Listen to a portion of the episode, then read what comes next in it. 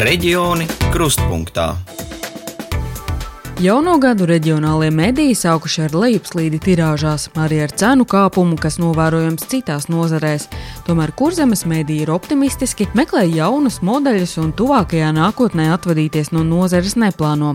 Arī mediju eksperti piekrīt, ka drukātie mediji varēs turpināt darboties, taču jautājums, cik aktīvi tie būs digitālo tehnoloģiju izmantošanā savā labā, darbinieku izglītošanā un sapratnē, ka laikrakstiem jābūt multimediāliem. To turpmākās 15 minūtes stāstīšu es, Sanita Liepiņa no RTV. Ko jūs lasāt, skatāties, klausāties, lai uzzinātu, kas notiek pasaulē, Latvijā un tepat vietējā Es reģionā? katru dienu krustpunktu, kas ir pusdienas laikā, septiņos Ukraiņas redzējums pa karu. Ah, un no rīta rādījos klausos desmitos, kā labāk dzīvot. Nu, tas būtu viss. Ir darba dienas vidustalsos, un ielās satiktais Jānis, kurš tiešām nu pat pabeidzis klausīties iecienīto raidījumu radio un devies uz pilsētu, reizē ar citiem talsiniekiem atklāja veidus, kā uzzina par notiekošo pasaulē, Latvijā un vietējā reģionā. Nu, avīze nāk vietējā, no žurnāliem nāk sievietei. Tad es pāršķirstu, kas notiek un, un kas jau internetā jau mīļi brīdiņi ielēc internetā, paskatās. YouTube paskatās, atkal, kā iet brāļiem Ukrainā un ko propaganda saka. Un, un, nu, tā, es sekoju līdzi, var teikt. Nu, mums ir tāls vēstis pasūtīts. Tā ir tāda ļoti liela tradīcija. Vīrs izmanto lauksaimniekiem sniegto informāciju, kas ir par platību maksājumiem, vispārējo. Viņš uz internetu ir uz jūs. Tad, piemēram, avīzē, tajā reģionā avīzē tālus vēstis, jā, viņš arī to gūst. Skatos YouTube, to, kas interesē. LTV ziņas vai par karu Ukrajinā ļoti daudz un par notikumiem pasaulē. Arī varbūt kaut ko lasi. Nē, es nelasu. Pat tā darbība, apsēsties un lasīt to avīzi, man liekas, kaut kas tāds. Nezinu. Ja man tā avīze būtu, es viņu noteikti izšķirstītu, apskatītos, kas ir interesants, bet savādāk. Interesē, kas notiek reģionā, protams, bet arī interesē, kas pasaulē notiek. Un, starp citu, es reģionā uzzinu, skatoties YouTube, deviņu pakalni. Nu, un tad Facebook, ziņas, kādu panorāmu. Jā, panorāma ja pa, pa daudz tā kā nav pa grūtu skatīties pēdējā laikā. Nu, kaut kā tā. Bet kāpēc paliek par grūtu? Nu, tāpēc, ka karš, finanses, vispārējais, tas man liekas, ka ir tāds diezgan smags laiks. Un tad, ja paliek pa grūtu, tad neskatās. Laikrakstu cenas ceļas, un arī vairums reģionālo mediju šajā abonēšanas gadā ir dārgāki. Tas ir viens no iemesliem, kāpēc lasītāji vairs neabonē, taču reģionā notiekošais interesē. Talsu galvenā bibliotēka apstiprina, ka iedzīvotāji tiešām regulāri nāk un reģionālo presi lasa, taču maldīgs priekšstats, ka to dara līdzekļu taupīšanas nolūkos. Jā, nāk un īpaši reģionālo presi. Turpina Sārma Niedrāja, kura lasītavā strādā jau ilgus gadus. Tas nekas, ka visi mājās dabū tausu avīzīti. Ziniet, mājās eh, bieži vien neglabā avīzes. Viņas tiek izmantotas dažādiem gadījumiem, vai nu tur iekurināšanai, vai ietīšanai, vai ko. Tikko viņi jauna, viņi palasa, bet ja kaut ko grib atcerēties, tad atnāk šeit un izlasa to te. Un nāk dažāda vecuma cilvēki, vai tā tomēr ir nu, paudze gados. Visādā ziņā jaunieši nav prasījuši. Un bibliotekas darbiniece nav melojusi. Tieši tobrīd pie blakus galdiņa sēž kundze, kas šķirsta jaunāko vietējā laikraksta numuru, un kaudzītē nolikti vēl daži iepriekšējie. Tāpēc, ka man interesē, kas notiek novadā. Es esmu visu mūžu novadā dzīvojusi, un man interesē gan par Dundu, gan par Tiņģeri, gan par, par Lubi un, un, un Laidzi. Nāk otrdienās, piekdienās izlasu.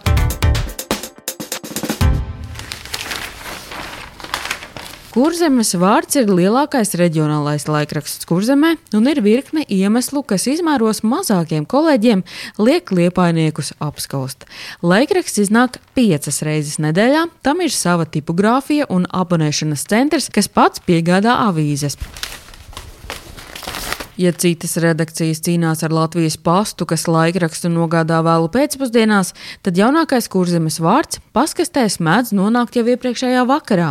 Tomēr uzņēmuma vadītājs un redaktors Inns Grasis atzīst, ka arī viņi šo gadu sākuši ar 11% lejupslīdi tirāžā, kas liepainiekiem ir vairāk nekā 4000. Vēl var mēģināt pierunāt lasītāju, lasīt tomēr papīra avīzi un stāstīt cik tomēr papīra izdevums ir ļoti labs. Laukos droši vien vieglāk būs, jo tur var iekurināt arī krāsni ar avīzi, var, var, var apsekties, var nosist mušu. Jā, bet, nu, ja tā nopietni runā, tad jā, tad tā citu virzienu meklēšana ir vienīgais ceļš. Inns Grāsis norāda, ka satura kvalitāte reizēm ir reģionālo mediju problēma, jo neliela komanda neļauj tēmas rakt dziļāk. Kurzemes vārds kvalitāti negribot pazaudēt, tāpēc cenšas noturēt septiņus žurnālistus un trīs redaktorus. Uzņēmuma vadītājs gan norāda, ka ceļš digitālajā virzienā neejot tik straujiem soļiem, kā gribētos. IT pakalpojumi ir dārgi, programmēšanas pakalpojumi ir dārgi. Ja mēs runājam par tieši par mazām redakcijām, tad, um, protams, kādam ar to jānodarbojas un kādam jāmaksā par to naudu. Nu, tas ir, manuprāt, tāds liels sarežģīts moments uh, tajā pārējā uz digitālām versijām. Tomēr arī šajā jomā liepainieki ir krietnu soli priekšā pārējiem. Jau aptuveni 20 gadus darbojas portāls liepainiekiem.lv, un tajā ieguldītais darbs šobrīd sāk atmaksāties ienākumi no portāla ir pietiekami, lai varētu arī tos kaut kādā veidā pārvirzīt uz avīzi. Ja mēs tās sarēķinātu pilnīgi tikai avīzes ienākumus, tad tur būtu varbūt jau redzams, ka nevar atļauties varbūt ne tik biežu, ne tik biezu avīzi. Ja bet sarunā ar kurzemes vārdu izskan, ka izmaksu dēļ varbūt tomēr šogad nāksies atteikties no savu abonēšanas centra un samazināt vienu iznākšanas dienu. Ikdienā divās atsevišķās redakcijās strādā laikraksts un televīzija, bet projektos kurzemes vārds un TV kurzeme sadarbojas. Tieši šādu modeli avīzes un televīzijas sava veida apvienojumu izvēlējušies talsinieki. Pirms gada laikrakstam Talsu vēstis mainījās īpašnieki, un šobrīd abas redakcijas apvienotas vienā kopējā telpā. Stāsta laikraksta galvenā redaktore Paula Kārkluvalka. Jā, mēs ikdienā strādājam plecu pie pleca, un iegums ir tāds, ka attiecīgi portālā varam publicēt gan uh, ziņas, gan arī ziņu sižetus e, sagatavotos. Un tāpat uzrunājot reklāmdevējus, varam piedāvāt gan reklāmu rakstus, ko publicēt laikrakstā un arī mūsu portālā gan arī reklāmas sižetus, ko daudzi uzņēmēji izvēlas tādēļ, ka tad viņiem ir iespēja šo interaktīvo sižetu palaist sociālajos tīklos un piesaistīt auditoriju.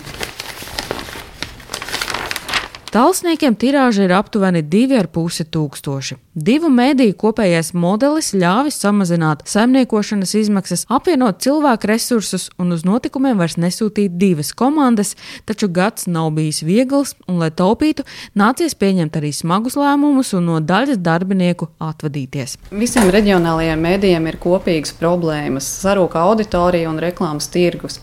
Tomēr visiem ir arī kāda kopīga un ļoti būtiska superspēja prasmes un vēlmes atspoguļot reģionos notiekošo, būt tuvu saviem lasītājiem, ko nekad nespēs tie, kas dzīvo kaut kur citur. Mēs šeit elpojam vienā ritmā ar uh, novadu un pilsētu. Un ir cilvēki, kas saka, kam patīk, tā gan papīra čaukstoņa, gan tas, ka var paskatīties vienu brīdi, pēc tam var pašķirt atkal otru brīdi, atlikt malā kaut kur, ja, kad tu viņu var paņemt līdzi apsēsties ērtā vietā.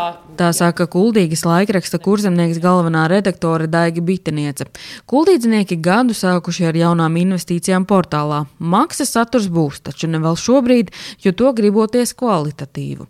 Galvenā redaktore norāda, ka ik gadu laikrakstam ir tendence tirāžai samazināties par aptuveni 100 abonentiem. Kaut kādā veidā varbūt to kompensē tas, ka mm, mēs nedaudz, bet nedaudz, protams, apzinoties to, kāda ir maksātspēja, nedaudz pieliekam pieliekam pie abonēšanas maksas, vai, vai nedaudz pieliekam pie tās maksas, par kādu naudu cilvēki var nopirkt laikrakstu mazumtirdzniecībā, un skatoties, uz ko mēs eh, paši varam ietaupīt. Jo tas jau nav vienīgais, eh, kā saka, trieciens, jo dārgāk kļūst viss tāpat kā visiem citiem uzņēmumiem, arī mums tā skaitā dārgāk kļūst gan tipogrāfijas izdevumi, gan degviela, gan, gan apkūre tagad kuldīgi arī ir dārgāka. Mazumtirdzniecībā reģionālajie laikraksti maksā aptuveni 1 eiro. Abonēšanā cenas svārstās no 6 līdz 9 eiro mēnesī. Mūsu abonētāji nav visi turīgi un nodrošināti ļaudis, kuriem uh, mēnesī 6 vai 7 eiro nu, neko, neko neizsaka, ja, kuriem varbūt tas ir svarīgi. Un,